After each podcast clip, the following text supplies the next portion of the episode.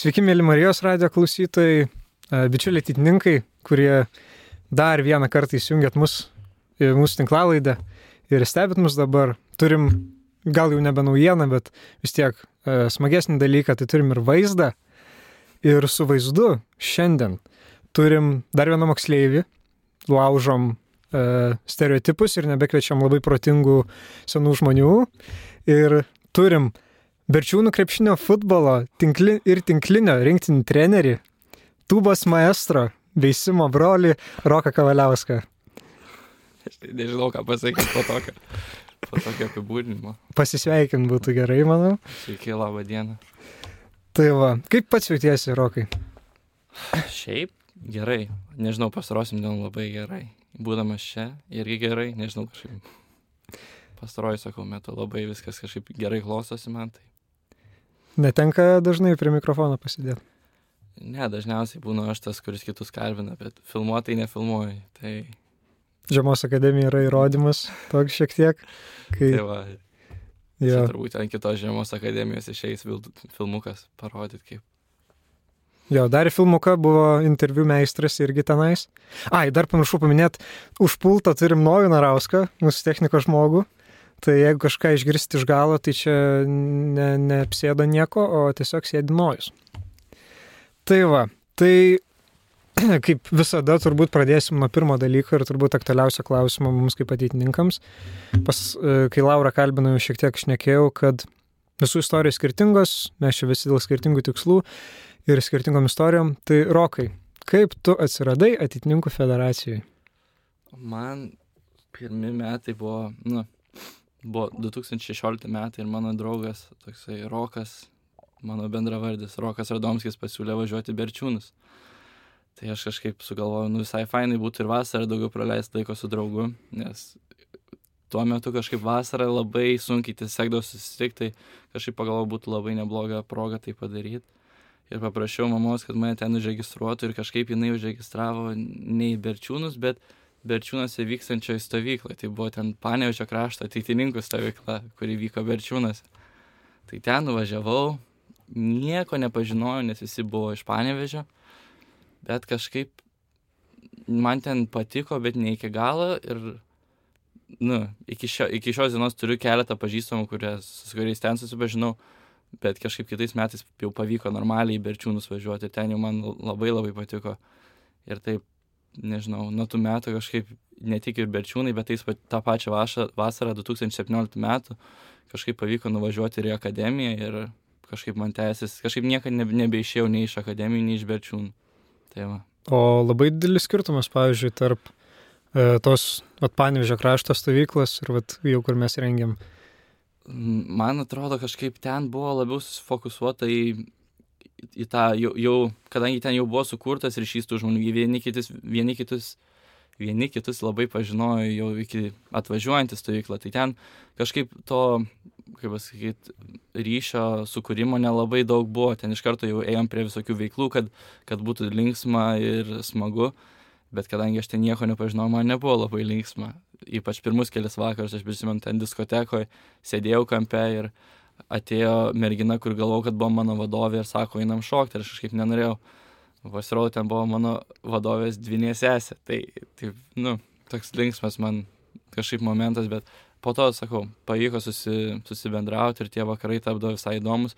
Bet skiriasi tuo, man atrodo, mūsų stovyklos berčiūnuose nuo to panevežio krašto, kad mes daugumos tų vaikų nepažįstam, kai atvažiuojam. Gal pažįstam kai kuriuos iš praeitų metų, jeigu vadovas važiuoja ne pirmus metus, bet per dešimt dienų ne, ne, nepavyksta susikurti tokio glaudaus ryšio, kaip bendraujant visus metus, tai mes, atrodo, per to berčiūnuose, per tas dešimt dienų bandom sukurti tą ryšį labiau negu bendrauti, kaip jau, kad jau esam pažįstami su tai žmonėmis.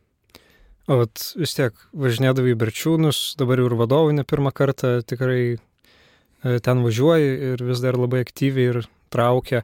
Kas būtent kaip vaiką paliko tave ten? Nes yra labai daug atvejų, kada, pavyzdžiui, vienus metus nuvažiuoja, kažkas neprilimpa ir tada jo daugiau nebematysi. Man turbūt, aš negalėčiau pasakyti ne vienos veiklos mano pirmais berčiūnais, kurias darėm, bet aš prisimenu vadovus ir ką vadovai veikė, kalbėjo, darė su manim. mano tada pirmas vadovas buvo Andrius Dunčia, kuris dabar yra studentų ateitininkų pirmininkas. Valdybos narys. Valdybos narys. Tai ten ir man atrodo buvo jo, jo taip pat pirmas ateitininkų renginys, nu man nebuvo, bet kaip ir pirmas buvo renginys.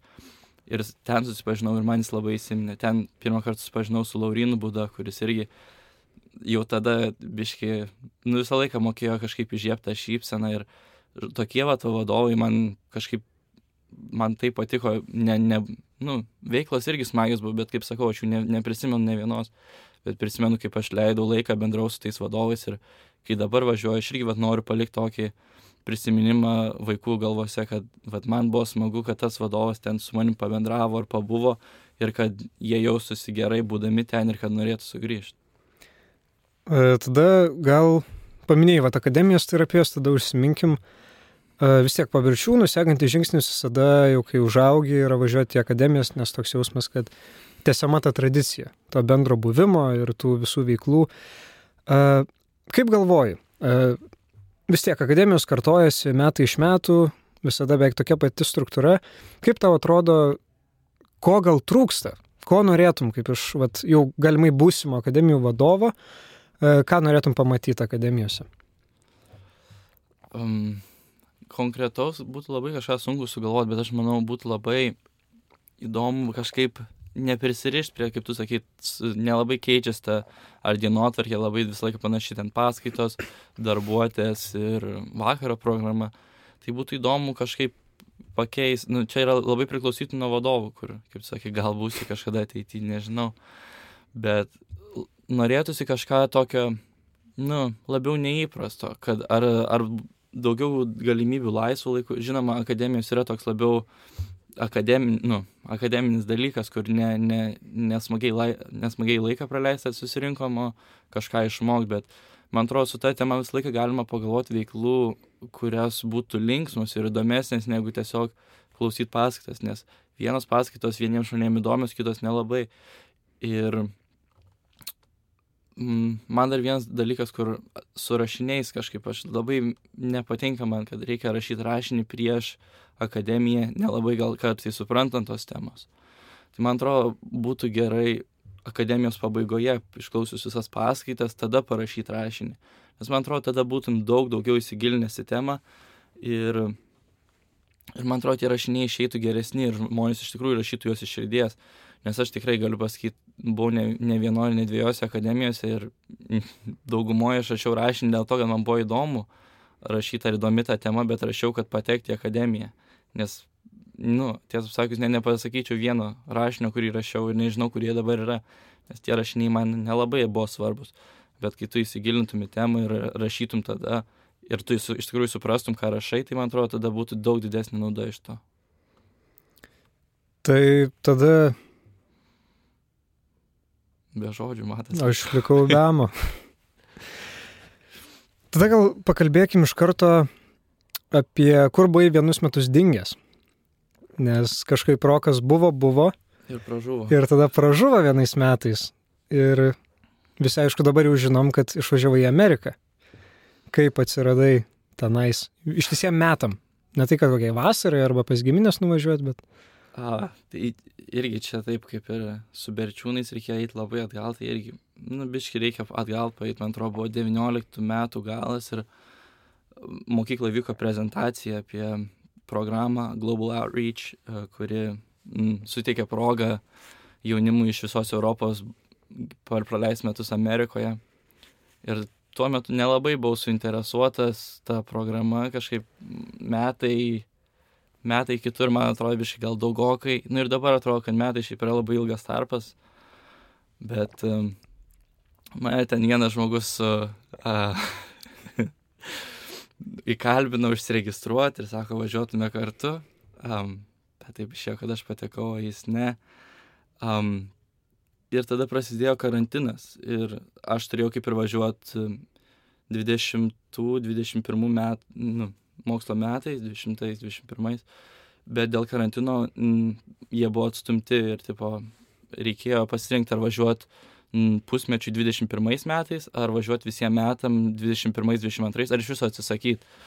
Tai aš pakalbėjau su tėvais, kažkaip pagalvojau, kad gal jeigu jau važiuot, tai važiuot nu, taip pilnai. Taip nusprendėm, kad pasirinksiu aš tą vienų metų uh, kelią.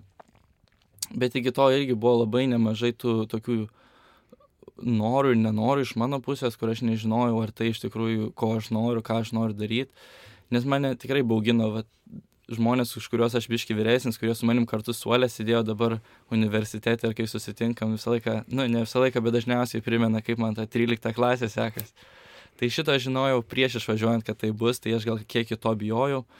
Bijojau ir būti kitur nuo savo šeimos, nuo savo draugų, jeigu kažkas atsitiktų mano artimiesiam, kažkaip labai nenorėjau būti kitam pasaulio krašte, nes ten važiuojant buvo tokia sąlyga, kad aš negaliu grįžti iki tol, kol mano laikas ten jau, tipo, kaip mokslo metai pasibaigė. O jeigu ir grįžtų, tai jau tada jau nebeturiu kelio atgal. Tai man ta mintis kažkiek baugino, bet labai daug kalbėjau su tėvais ir su broliu savo jaunesniu Simu. Labas, uh, ir per tą daug kalbėjimą kažkaip galiausiai taip išėjo, kad nusprendžiau važiuoti. Ir um, buvo ten problemų po karantino su vizom ten, tai aš irgi tai biškiai atid... mano ta viza, nu, atėjo vėliau negu turėjo ir aš išvažiavau ten vėliau negu turėjau atvykti. Bet tai man leido dar pas tą vasarą pabūti Berčiūnuose, pabūti akademijoje. Ir man kažkaip tą vasarą labai, labai pavyko gerai praleisti laiką su žmonėm, su artimais žmonėms, su draugais ir šeima prieš išvažiuojant. Tai aš labai džiaugiausi, kad iš tikrųjų galėjau visiems skirti tiek laiko, kiek sugebėjau. Ir galiausiai ten pavyko nuvažiuoti rugsėjo ketvirtą, nors mokslo metai jau ten buvo prasidėję, bet atvažiavau ir kažkaip viskas ten atrodo neblogai sekėsi. Tai va. Ir gyvenai Viskonsino valstijai, žinoma dėl savo sūrio, kaip visada juokadavai prieš išvažiuojant.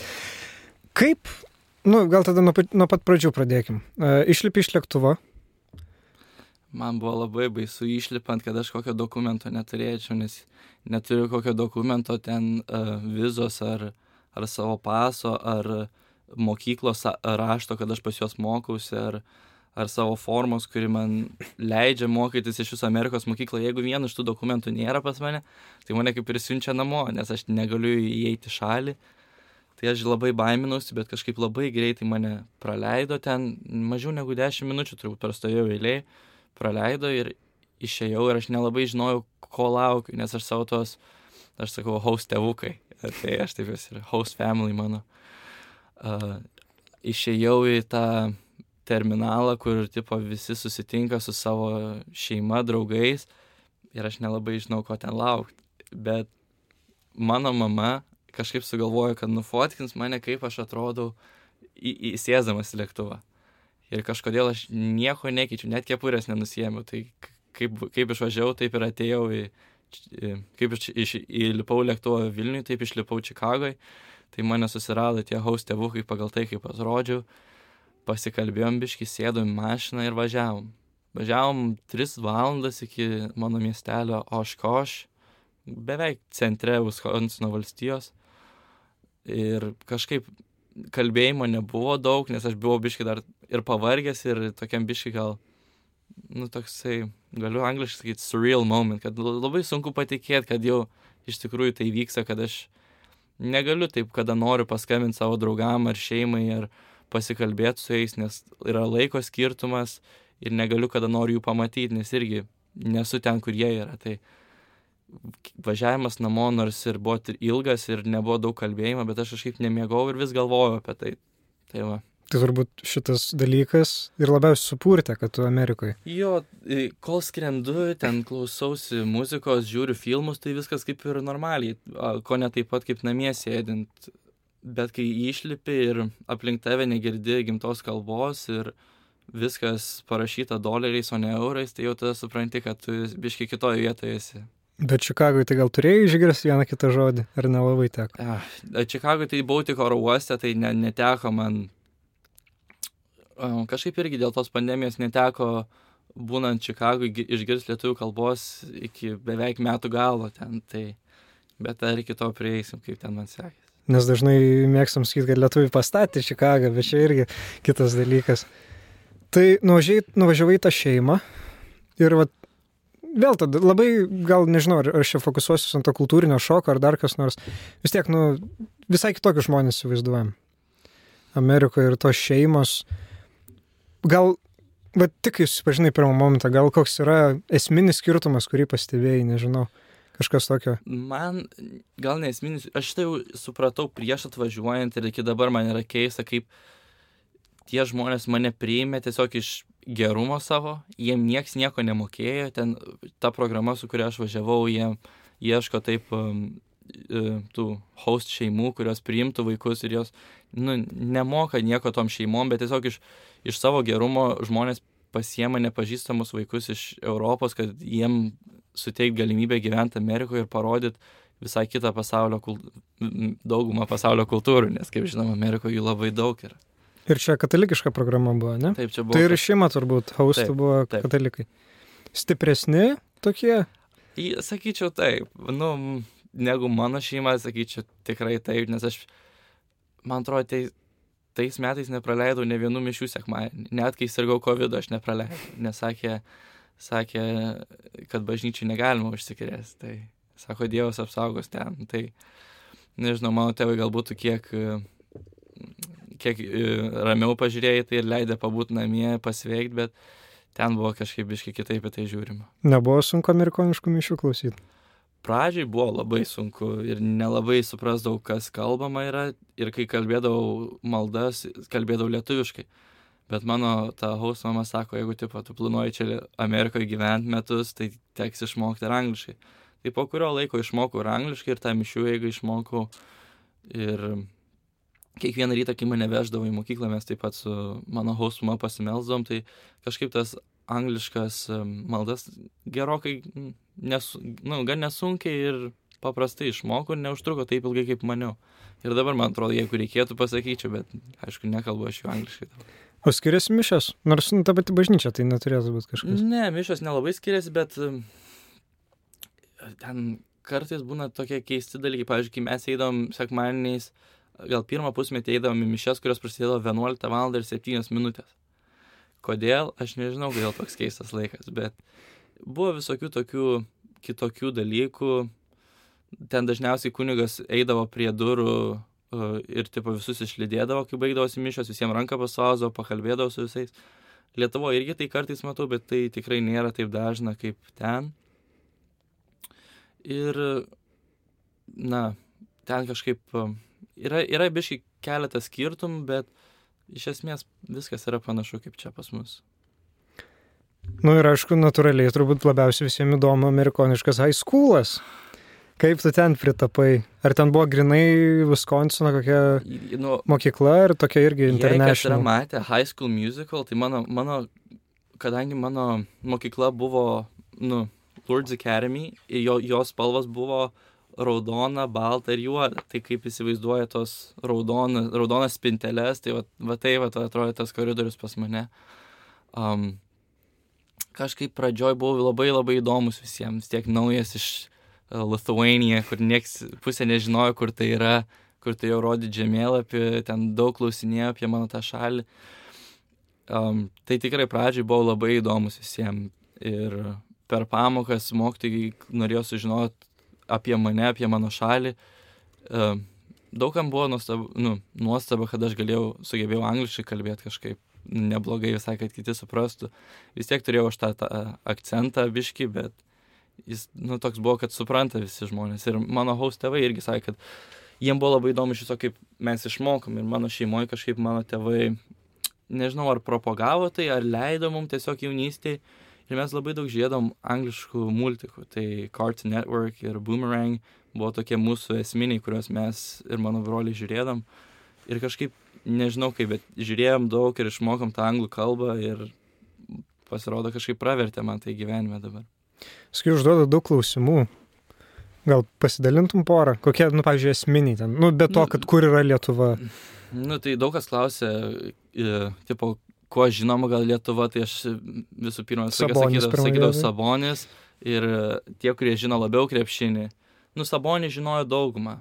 Net, nu, merginos ne, kurios nesidomi sportu, bet vaikinai žinojo Sabonį.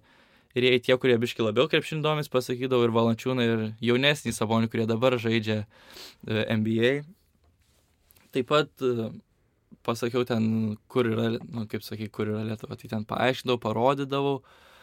Um, biški teko daryti projektų apie pačią Lietuvą ir jos istoriją, tai žinau, parodžiau, kokie ten mes kažkada dideli buvom. Um, tokius dalykus, nu, tų klausimų buvo labai daug ir jie visi galiausiai prieidavo prie to paties, kad, nu, kad Lietuva, nu, aš turėdavau papasakoti, kad Lietuva labai nedidelė ir kad pas mus labai nedaug žmonių ir sakydavau, kad yra, nu, nu, aš neseniai sužinau iš savo istorijos mokytojų, kad apie trečdalis lietuvių gyvena ne Lietuvoje. Tai ne, manau, kad daug, nu, nedauguma, bet daug to gyvena Amerikoje.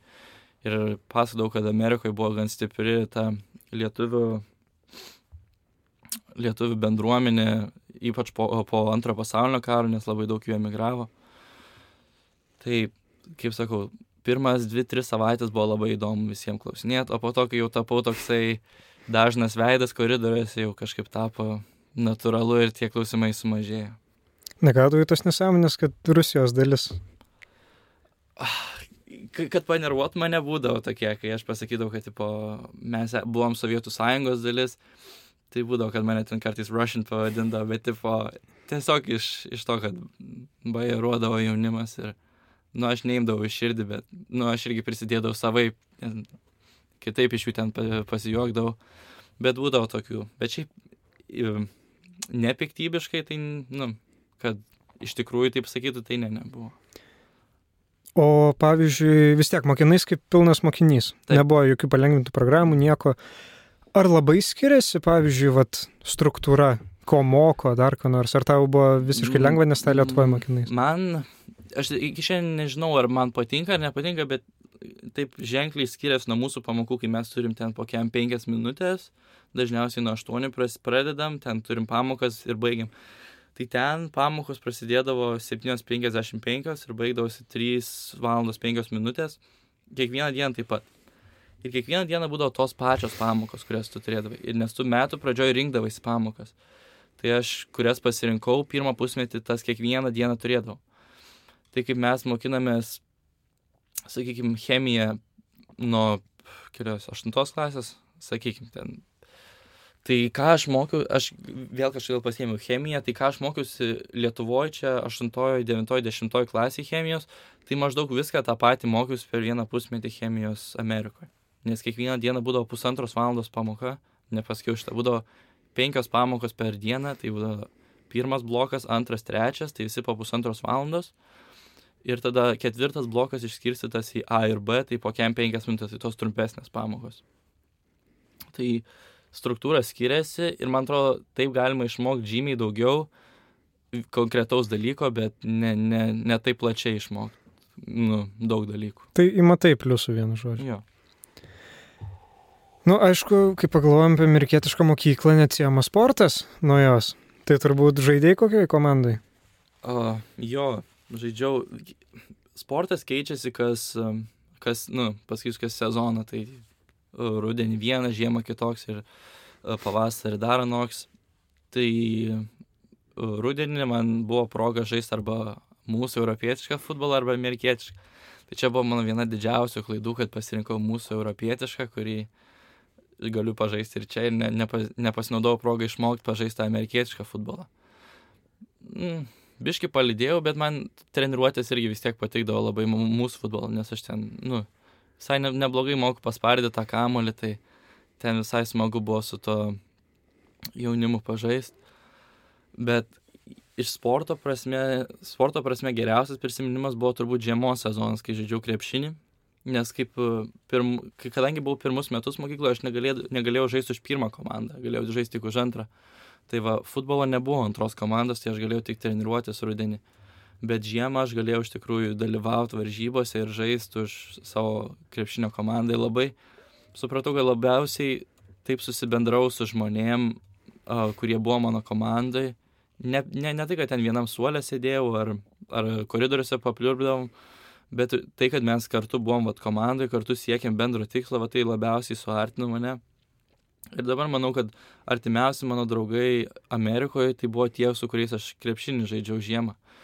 Tai varžybos būdavo kartą į savaitę ir net du kartus savaitę ir jos būdavo 6 valandą vakare, kas nėra blogai, bet Lietuvos laiku tai yra apie 2 valandą ryto, kartais net biški vėliau. Ir mano tėvai antradieniais, ten trečiadieniais, kur vidury savaitės kažkodėl nusprendė nemiegoti iki tiek ir žiūrėdavo tas mano varžybas, aš ten jiem pasakydavau, kur ten surasti jas ir jie žiūrėdavo. Ir man kažkaip būdavo labai smagu išgirsti, ką jie ten pakomentuoja, nes po kiekvienų varžybų grįžęs namo surasdavau telefoną ten žinučių, kaip tėtis komentuoja, ką gerai dariau, ką negerai dariau. Nes kadangi buvau aukščiausias komandoje, tai teko būti sabonio pozicijoje. tai jau ten tėtis man turėjo ką papasakoti apie tai, ką gerai ir ką nelabai padariau. O orkestrė negrojai tam? Grojau ir orkestrė. Orkestras taip pat buvo tokia vieta, kur teko labai neblogai susibendrauti su žmonėmis, irgi siekiant bendro tikslo. Tai o, mes labai nuo metų pradžios mokytojas sakė, kad norėtume važiuoti į Floridą, pagrot e, Disneyland'e ir tipo, tam reikia pasiruošti, negalim tiesiog užsinorėti ir važiuoti. Tai orkestras taip pat buvo viena iš pamokų, tai buvo ketvirto bloko B pamoka, tai 45 minutės kiekvieną dieną būdavo orkestras. Tai aš, kaip sakė, tubos virtuozas, gavau progą groti tubą kiekvieną dieną. Ir man tai labai patiko ir padėjo man su mano grojimu.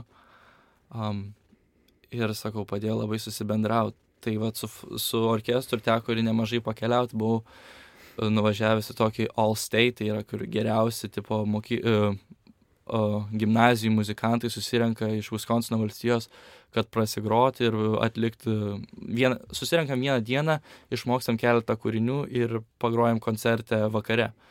Tai aš su keletą ten žmonių iš mokyklos mokytė mane parinko važiuoti ten, tada gavom progą su mokyklos orkestru pagroti prieš NBA varžybas, tai buvo irgi vienas tokių visai gerų, mm, visai smagių prisiminimų, kai mes važiuojam, pagrojam prieš NBA varžybas ir po to gaunam progą pažiūrėti, kaip kaip tie, mm, ko, ko negeriausi pasaulio krepšininkai žaidžia ir man tai buvo irgi vienas labai, labai smagus prisiminimas. Ir galiausiai toks mano kaip deimantukas buvimo Amerikoje, tai kai su orkestru važiavau į Floridą, į tą Disneylandą, kurį visus metus ruošiamės. Ir ten pagrojom, ten nuvažiavom, pagrojom, pabuvom, gavom progą įgarsinti muzikos ir balso prasme E, epizodėlį iš e, Bjaurusis aš, tai aš gavau dar progą pabūt grų trumpam, trijom minutėm. Um, na ir aišku, gavom progą pabūt tose parkuose visose, kur, kur ten reikia kelt galvą aukštyn, kad pamatytum, kaip aukštai eina. Ir nu, ten irgi va, per tokius dalykus kažkaip labiausiai suartėjau su žmonėm ir man jie didžiausiai, didžiausius prisiminimus paliko būnant ten su jais ir siekiant bendro tikslo ir po to džiaugiantis tuo, ką mes pasiekėme. Tai turbūt labiausiai ką išsiveši tai pažintis. Taip, nu, man va, kažkaip tėvai labai mėgsta pasakyti, nu tai kada grįšim atgal, nes kažkaip jie, mano tėvai ir brolis taip pat atvažiavo pas mane o, metų gale ir nors jie pabuvo savaitėlę, bet jie irgi susi, susipažino su ne, labai, ne, labai nemažai žmonių ir jie jau irgi nori ten grįžti pabūt. Tai aš irgi kažkaip nekantrauju, nes aš žinau, kad kažkada tikrai grįšiu, labai nekantrauju grįžti, kad vėl susitiktų tai žmonėm. Norėčiau ypač sugrįžti šią vasarą ar per kitus mokslo metus, kol jie bus neišsivažinėję savo visus universitetus ir koledžus, nes Amerikoje yra būdinga važiuoti labai toli į koledžą, kuris tau patinka, nesvarbu, kaip toli jisai yra, jeigu jis tau patinka ir jisai, tu jauti, kad jisai yra tavo, tai vaikai važiuos ten į kitą, pas, į kitą šalies galą, kad tik tais nuvažiuoti savo svajonių universitetą. Tai aš norėčiau labai nuvažiuoti dar per šios metus, kad susitikti su jais, nes tikrai tos pažintys yra labai man brangios ir tikrai norėčiau dar, nu, pavyzdžiui, savo krepšinio draugais pamėtyti kamuolį dar bent kartą. Tu dar vis palaikai ryšius, pasirašinėjai, kam. Jo, jo, dar vis karts nuo karto susirašom ir paklausiu, kaip ten kam sekasi ir ten man su tais, kuriais labiausiai bendrauja, jie man ir visą tai paveikslą parodo, kaip, kaip, ir, kaip ir kitiems sekasi ir ką aš turėčiau žinot gal. Dar prie sporto pamiršau paklausti, rekordų ne, kokių nesulaužiai mokyklos? ne, ten mes kaip aš kaip toksai, kuris nelabai gavau progą pažaisti sportą, kurį treniravausi savo, savo didžiąją gyvenimo dalį, tai futbolą, tai negavau, nu, aš tikrai nebuvau krepšinį ar pamiršau paminėti, kad pavasarį sportavau lengvai atletiką, tai tikrai ten nebuvau geriausias, bet man šiaip buvo smagu būti tos komandos dalim, bet rekordų jokių tikrai nesudaužiau ir tikrai net nebuvau arti, manau. Sakai, kad ūgis skiriasi, tai ten nėra labai daug aukštų tokių? Ah, ten yra, ten yra gan keista, kažkaip Lietuvoje aš pastebėjau, kad pas mus yra daugiau aukštų žmonių, bet pas juos yra daugiau labai aukštų. Nes aš savo dabar Lietuvoje, Jezuitų gimnazijos 12 klasiai, ne, nesu turbūt trečias ar ketvirtas aukščiausias savo klasiai, o ten buvau trečias ar antras mokykloje viso aukščiausias. Tai ten, žiūrint aplamai, tai yra tikrai daugiau tų labai aukštų žmonių, bet šiaip tas vidutinis ūgis, tai kažkaip man atrodo pas mus yra aukštesni žmonės. Šiaip e, turbūt vis tiek, vat, klausys moksleiviai gal ne, bet vis tiek dauguma jo. E, daugiausiai, kiek mes žinom apie Ameriką, tai turbūt yra iš filmų. Ar labai skiriasi ten tas gyvenimas, kaip ten įrodo Hollywoodas? Nu, filmuose labai mėgsta parodyti kaip geriausius mm. momentus. Mm. Tai aš pasakysiu, kad pas mane, nu, buvo nemažai to sėdėjimo tiesiog ir žiūrėjimo video, kai neturiu ką veikti namie.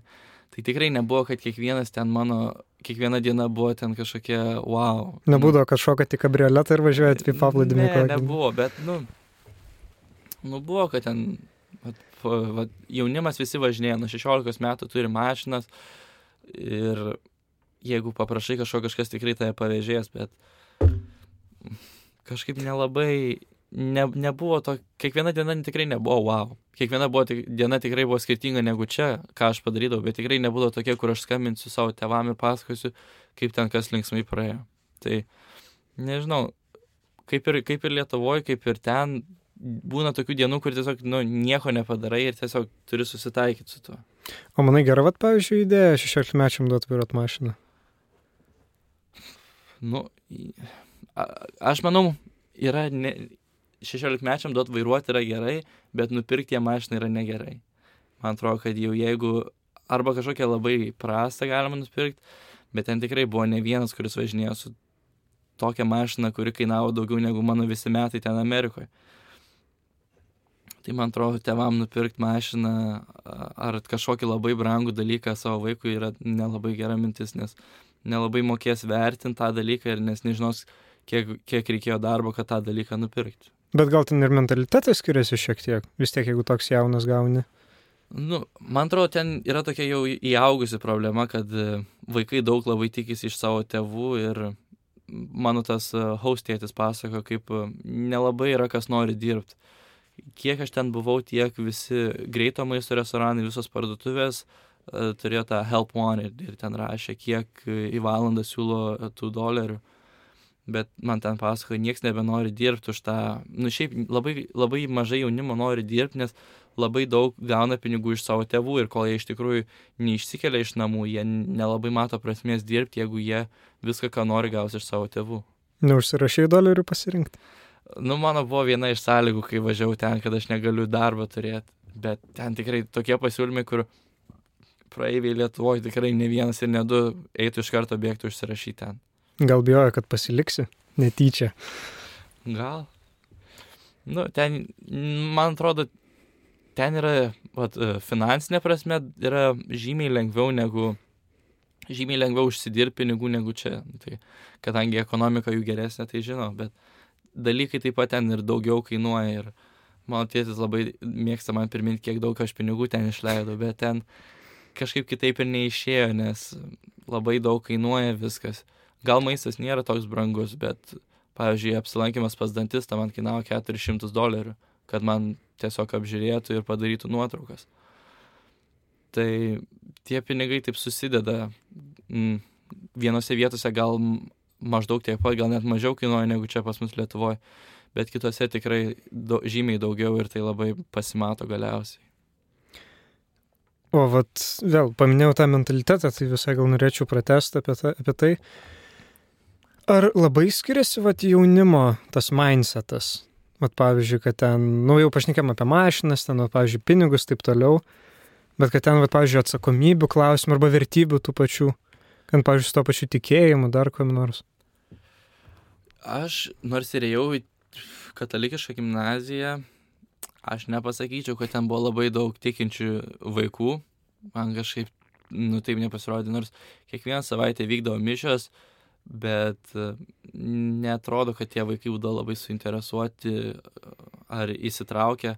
Galėčiau gal įvardinti kokius tris ar keturis iš mano gimnazijoje buvusių virš 200 vaikų, kurie iš tikrųjų mačiau, kad, ar girdėjau jų istorijas, kad jie iš tikrųjų tokie įsitraukia į tai. Bet ir jie kitaip vertina ir žmonės, o pavyzdžiui, kai aš atvažiavau, aš buvau naujas ir įdomus. Bet jie nelabai matė to, tos prasmės ryšio sukurti su manim, nežinojo, kad aš išvažiuosiu. Ir be to jie vertina labai, uh, jie vertina draugystę pagal jos trukmę, o ne pagal koks glaudus ryšys yra tai jeigu aš atvažiavęs naujas, aš tikrai ne, netapsiu geresnis draugas negu tą, kurį jie pažįsta nuo pirmos klasės. Nesvarbu, kokie mes geri draugai ar kokį glaudų ryšį sukursim, aš niekada nebūsiu toks geras draugas, nes aš ne, nesu taip ilgai pažįstamas kaip tas kitas. Nežinau, ar susidūrė ar ne, gal matėjai, bet vis tiek, jeigu jau skrolinam kokį vis tiek socialinį tinklą, labai dažnai iššoka pavyzdžiai, pavyzdžiui, tų ekstremistinių pusių. Amerikoje jaunimo, kad ten ir liberalios, konservatyvios, nes tiek dviejų partijų sistema Amerikoje. Taip. Tai labai, pavyzdžiui, kad ir jaunime matosi, kad tas atotrukis toks vieną ar kitą pusę. Ar nesusidūrė asmeniškai? Pas mane mokykla buvo didžioji dalis už tuos republikonus, respublikonus. Ir jie labai buvo, kurie keletas už demokratus. Ir tikrai jie labai, kai jau atėjo klausimą apie politiką, tai labai jie aršiai ne, nesakyčiau, kad jie debatauja, labiau taip viens kitai žaidinėja už tai, ką kiti, kuo kitas tiki. Bet ne vien jaunime tai matęs, kiek ir tam vyresnio, vyresniuosiuose, nu, pavyzdžiui, mano host e, tėvukuose, jie labai, jie nebendravo su niekuo, kas buvo už kitą partiją. Nes, pavyzdžiui... Kaip, God damn liberal. kaip uh, katalikai, jie buvo prieš abortus ir kadangi kas buvo už demokratus, tai juokise buvo už abortus. Tai reiškia, su ta šeima ir su tai žmonėmis jų negalima bendrauti.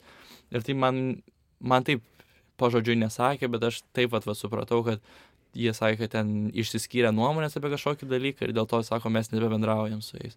Tai girdėjau ne vieną ir ne du tokius uh, momentus, kai tai buvo, tai uh, ta už kokią partiją balsuoja labai priklauso ir su kokiais žmonėmis bendrauja. Tai toks realiai vakumas pasidaro. Jo, tai, tai kaip yra tos dvi partijos, tai yra dvi pusės ir tose, dvi, tose pusėse tik tais vieni su kitais gali bendrauti, nes, nu, tipo gražiai, o jeigu, aišku, yra išimčių, bet aš jų nemačiau, pas mane buvo tik tais, kad taip ragais kertasi tos, kurie už skirtingas partijas balsavo.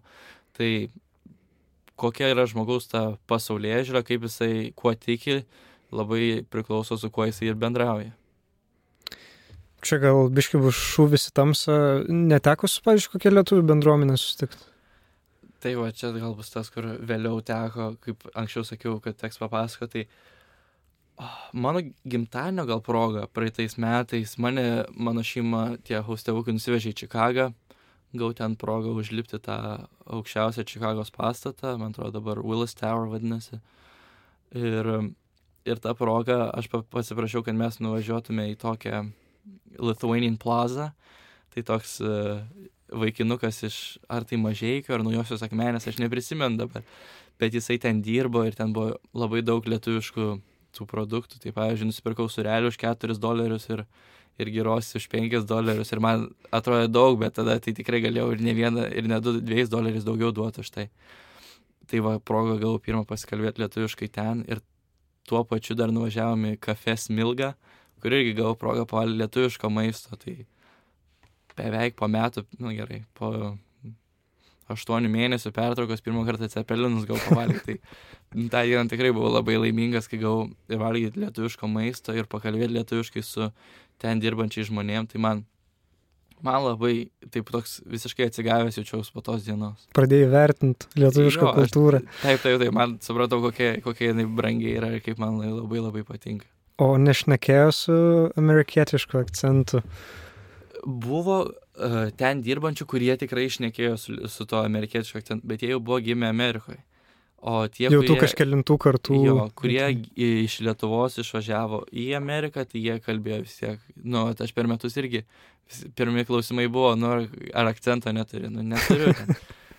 Kai jau, kai tau gimta kalba yra viena, tu ne, ne, nu, manau, gal įmanoma, kad susidarytum akcentą, bet turi praeiti labai labai daug laiko. Ir kiek aš bendrau su žmonėm, tai dauguma neturėjo, nes buvo emigravę iš Lietuvos patys.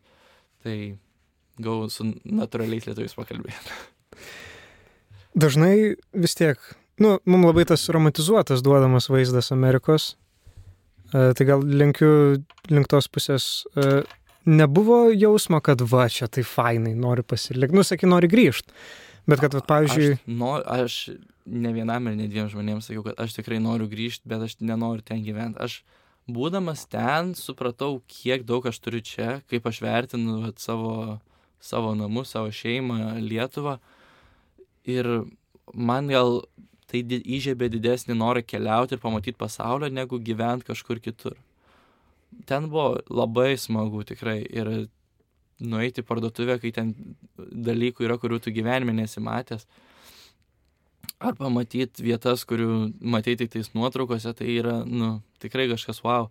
Bet man kažkaip įžiebė, neįžiebė tokio noro gyventi kitur, aparat va šičia.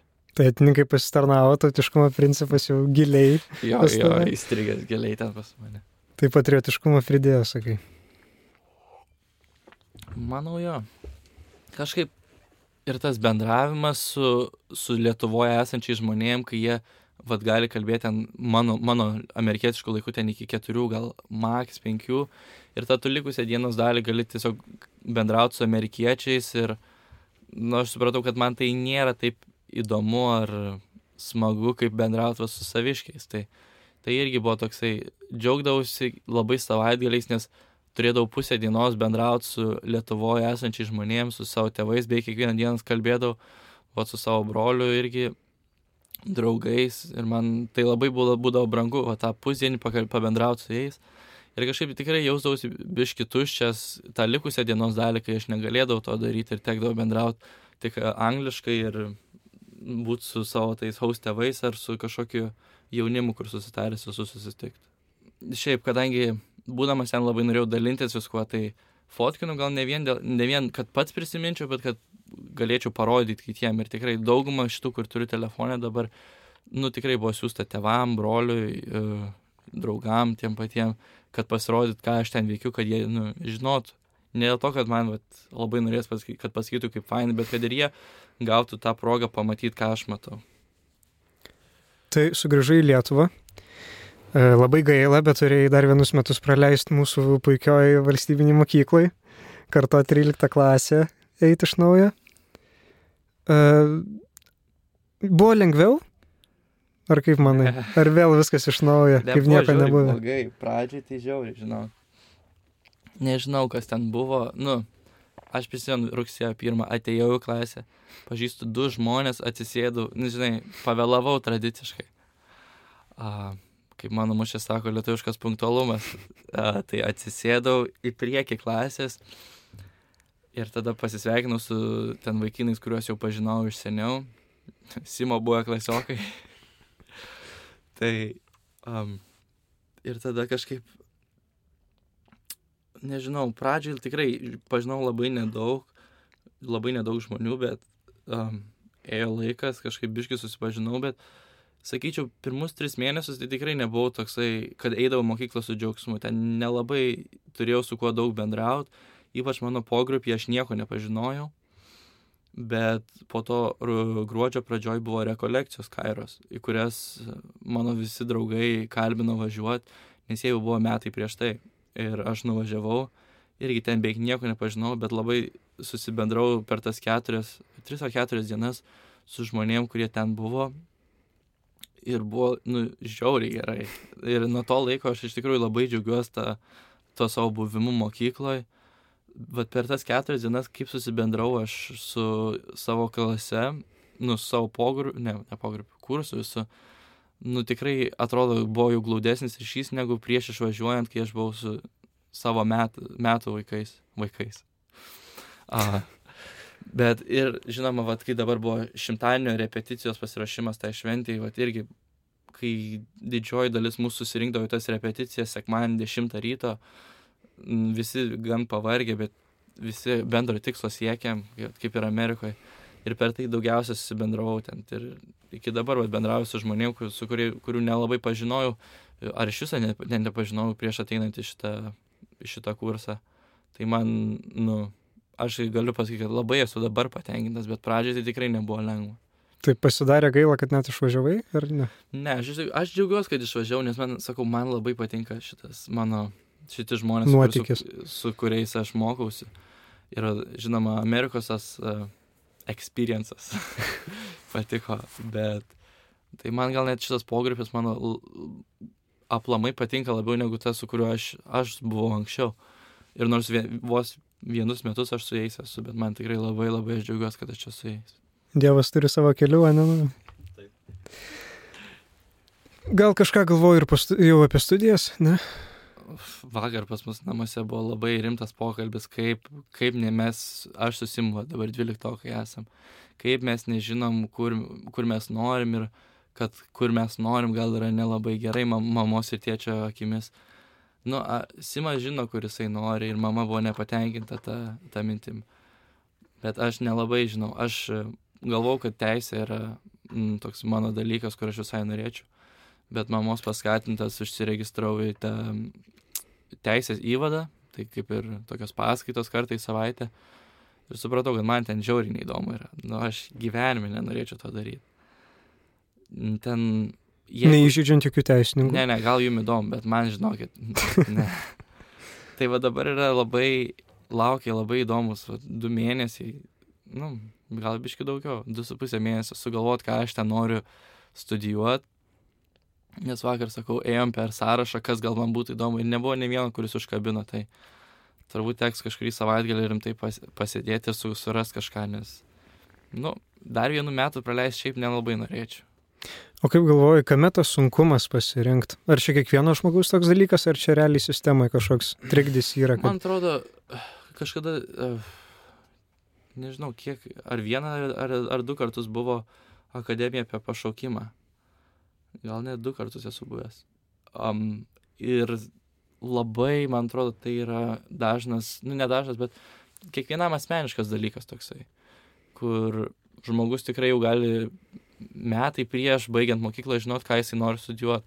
Arba gali būti toks, kuris, kaip aš, kur net 13 klasėje nežino. 13 klasės giliai nežino, ką jisai nori veikti po mokyklos. Bet aš kažkaip per daug dėl to nestresuoju. Man kažkaip atrodo, kad, mm, vat kaip ir su Amerika, taip gavos, kad išvažiavau nelabai norėdamas ir tai ko negeriausias mano pasirinkimas buvo, kad vis tiek kažkaip, kažkaip ateis man tas supratimas, kur aš noriu eiti ar, ar ką aš noriu daryti po tos mokyklos. Pasiliksi paskutinį sekundį. Nu, Kartu su manim. gal kartu, tiesiog dursim pirštu, kur norim ir, o teisė vėl. Čia buvo mano main message Go to Apie- America. apie štatus. Very good, Very good. sometimes sad, but ultimately very good. Žinutė tavo, Recommended by yours truly. žinutė tavo draugam užsieniečiam. Drink water. Hydrate. Prime. Prime hydration. Ant ko pinigų daugiausiai išleidai Amerikai? Oho, vaikeli, to pasakys. Nu, Planuoju varyti berčiūnus šis metas. jo. Kurią pamainą. Antra. One last time. Paskutinį? Nežinau, nu, dabar bus. Dabar bus, turėtų būti pertrauka po šitų metų, nes aš norėčiau kitą vasarą varyti work and travel. Mm. Ir tada visą vasarą, reiškia, aš būnu išvaręs. Ir tiesiog, nu, ne, neišeina jau tada. La- Labai norėjau vienus metus varyti dar Amerikoje į, tą neringos stovyklą. Neringos. Jo, yra Dainava. Dainava. Mūsų. Vakar su Matas tiesiog sėdėjome iki 12 nakties Ir skroliname apie Dainavą. Rinkus Amerikoje. Oi, ne, ne vieną rinkus, tiesiog apie lietuvius Amerikoje. Tiesiog Matas žiūrėjo, skaitė, analizavo. O ta neringa. Robert Downey Jr. Kažkurio ten senelis. Jo, kažkurios eilės. yra. Šių belekiek užsieniečių turi lietuviškų, š- nu, amerikonų dabar garsių belekiek. Jason Sudeikis iš pavardės jau matosi. Tada- Robert Zemekis. Jos Mekis, tada yra šita Pink, Mhm. nes proseneliai lygtais. Uh, tas um, buvau, um, kai buvau ambasadoj Amerikos Vilniui, tai jie turėjo posterius, tipo, kas iš žymių amerikiečių yra, tipo, lietuviškų šaknų. Tai buvo Bob Dylan. Jo, Dylanas, šitą atsimenu. Uh, tokį, aš ne, nelabai žinau, bet čia tipo stry, uh, seni tokie comedians, tai the, the Three Stooges. Nelabai. Jie turi lietuviškų. Jo. Tai tipo jie. Uh, dar ten buvo, bet aš nelabai žinojau jų. Nu, kadangi nelabai išsilavinęs, tai, Fotkę reikėjo pasidaryti. tai ten negalima fotkti. Ai, tiesa, šiaip, pala. Tu ir gauni Amerikos ambasadai vizą. E, Jo, tu turėjai. Ir aš kai ėjau ten į tą ambasadą, uh, tai ten irgi toksai, sakau, biški užsivėlinau aš ten, nunešiau tą savo pasą, ten viskas praėjo, ten man paklausė, tipo, ką aš ten veiksiu, ką darysiu, ką šiaip gyvenime veikiu, suprato, kad ne teroristas ir davė man tą vizą mano. Tipo, ne, nedavė, bet aš turėjau palikti pasą. Jie sako, mes tau, tipo, arba pameilinsim, arba tu gali atvažiuoti pats. Ir aš, tipo, sakau, nu, me- meilint nelabai išeina, nes ten gal jau 24-25 dieną. Ir, o man skrydis ten už pusantros savaitės. Tai, o druk ten neišeis. Nu, tipo, kažkas su paštu ir aš neturėsiu to paso. Tai sakau, tai aš atvarysiu kitą dieną. Tai sėdau jau traukiant, taip sėdžiu, laukiu. Ir man skambina. Sveiki, ten jau padarėm jūsų vizą, galite pasimti. Sakau, oi, nežinau, tai aš jau traukinys sėdžiu. Na, tai nieko, rytoj atvarysit. Ska, skambinu mamai, sakau, nu jau jie padarė, bet aš traukinį sakau, tai varyk pas jų. tai aš nuvariau, dar man davė už tą traukinio bilietą atgal pinigus. Oi, dosnus. Tai iš viso tai ten pėdinau pusvalandį iki tos ambasados, nes kodėl aš nevažiavau, neįsivaizduoju. Bet nusprendžiau eiti, nuėjau, pasiėmiau, grįžau ir jau su viza rankoje einu namo, važiuoju traukiniu ir tą kitą dieną į akademiją važiavau. Į biržas. Na kągi, at, at, nu, Dar klausimą vieną. ne, jau klausimą. e, važiuoju, fun facts. Ne, tai, Rokai, žiauriai ačiū. Uh, prisikalbinom, žiauriai kietai apie Ameriką papasakoji, gaila, kad baigėsi mums vieta, nojau. Uh, bet jo, Pasižadu kitam podcast'e, kad nebebus. žiūrėk tu man. Bet jo, e, ta prasme, žiauriai ačiū, kad papasakoji, radai laiko. E, Noriu padėkoti Marijos radijui, kad eilinį kartą mus priemė, davė net filmuotis. E, Tai klausykit mūsų ten, Spotify, YouTube, visur. Būsim labai dėkingi, esam jiem labai dėkingi, esam žiauriai dėkingi Rokui, kad atrado laiko ir neėjo net į matematiką. Papildomą tėvalį. Papildomą Pas matematiką. Pas močiutę mokytis. Apreikė mane, bet nieko. All worth it. Ir kai visada pareklamuosiu Contribui, nes tik sodindami gilės galim užauginti ažulus. E, dabar kaip tik renkam pinigus Berčiūnų dvarui atstatyti, sudegusiam namelį, kas nežino jo oficialus vardo. Tai būtume labai dėkingi, kad net moksleivis, kuriam nuo pietų pinigų lieka bent jau 3 eurai, paukotų juos ten, nes nieko geriau nenusipirksit. O džiaugsmą visada galima už Berčiūnus paukot. Tai ačiū Rokui, ačiū Nojui, aš buvau Matas Banzevičius, iki kitų kartų. Tai yra tokia mergina, žodžiu.